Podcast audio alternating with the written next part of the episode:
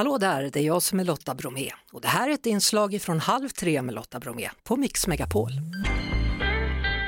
Nu ska jag prata med Mikael Elinder, docent och lektor vid Nationalekonomiska institutionen vid Uppsala universitet. Välkommen till Halv tre. Hej, tack så mycket. Ja, du har ju då tillsammans med Oskar Eriksson tagit fram en modell för ett mer exakt förlossningsdatum. Och då tänker jag så här, en ekonom som beräknar förlossningsdatum, vad har jag missat? Du har missat, eh, det är väl egentligen så att jag är inte bara ekonom utan också förälder. Och en gång i tiden så eh, kände jag att det datumet man fick från vården var ganska otillfredsställande. Framförallt för att det inte gick riktigt att veta vad det egentligen betyder. Nej, det gör man ju inte riktigt. Man, man bara går dit och så säger de det ser bra ut och så får man en ny siffra. Ja, precis. Och så sa de dessutom att eh, för er förstagångsföderskor går ofta över tiden. Och då blev jag väldigt frustrerad och eftersom man som nationalekonom också ofta är statistiker som vi är så blir man väldigt intresserad. Kan vi inte göra en bättre modell? Så hur, hur, hur gick ni tillväga? Vad är det för modell ni har tagit fram här nu då? Ja, det vi har gjort är att vi har använt av, oss av medicinska födelseregistret i Sverige som är ett register över alla, alla förlossningar i Sverige. Så vi har analyserat mer än 1,7 miljoner förlossningar och då har vi tittat efter vilken dag är det egentligen som det är mest sannolikt att barnet föds.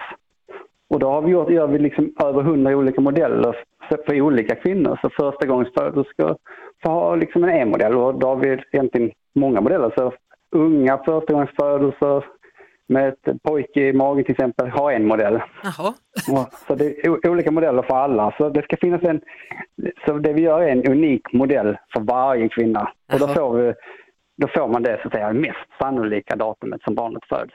Men du, var det när du och din hustru, var det när ni var gravida som du började räkna på det här eller var det efter första barnet hade fötts? Nej, frågan väcktes då och sen har vi försökt se om vi kan få till ett forskningsprojekt på det här så man kan studera fler faktorer. Med tiden blir man mer och mer förbryllad över hur svårt det är för forskare att förstå exakt hur lång är en graviditet egentligen. Ja, går... den verkar, den, den verkar vara olika för olika kvinnor. Ja, så det går egentligen inte att förstå hur mycket ni än räknar då?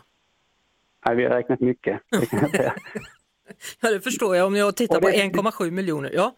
Ja, det är fortfarande ett mysterium. Det är inte så att vi kan säga exakt vilken dag det föds, men vi kan säga i alla fall idag vilken dag det är mest sannolikt att ett barnet föds.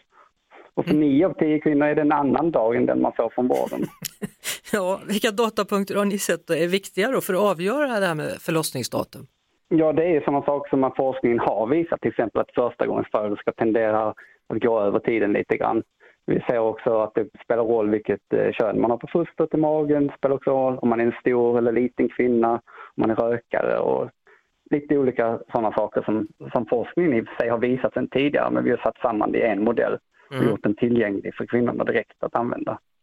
Så vad är nästa forskningsprojekt? Vad ska du ha in nu här för att få ordning på grejer? Ja, det är det. Jag vill fortsätta, väldigt, jag vill fortsätta forska på det här området och försöka förstå. Också så småningom, finns det medicinska aspekter? Kan man gynna, tjäna någonting säger i medicinska beslut utifrån det här? I dagsläget kan inte vår modell användas till det alls. Uh, och uh, se också om vården kan ha nytta av det för vårdplanering till exempel, så det blir mindre trångt på förlossningsklinikerna. Ja, hur många barn har, har du nu då? Nej, två. Ja, ja, det räcker. Hur, hur gick det med de datumen då? Ja, det var eh, ett par dagar snett, men helt okej. Okay. Men visste du då innan om det var en kille eller tjej som låg i magen? Ja, det, eh, det visste jag, men eh, jag visste ingenting om hur stor roll det spelar vid den tiden. Det är nu 16 år sedan jag fick första barnet. Ja, ja, men om det blir rätt till då, då vet du hur du ska göra i alla fall. Ja, då vet jag vad jag ska göra. Ja. Tack så mycket Mikael Linder, docent och lektor vid Nationalekonomiska institutionen. Hej då! Tack! Det var det. Vi hörs såklart igen på Mix Megapol varje eftermiddag vid halv tre. Ett poddtips från Podplay. I podden Något Kaiko garanterar östgötarna Brutti och jag, Davva, dig en stor dos skratt. Där följer jag pladask för köttätandet igen. Man är lite som en jävla vampyr. Man har fått lite blodsmak och då måste man ha mer. Udda spaningar, fängslande anekdoter och en och annan arg rant. Jag måste ha mitt kaffe på morgonen för annars är jag ingen trevlig människa. Då är du ingen trevlig människa, punkt. Något kajko, hör du på podplay. Därför är gardinerna.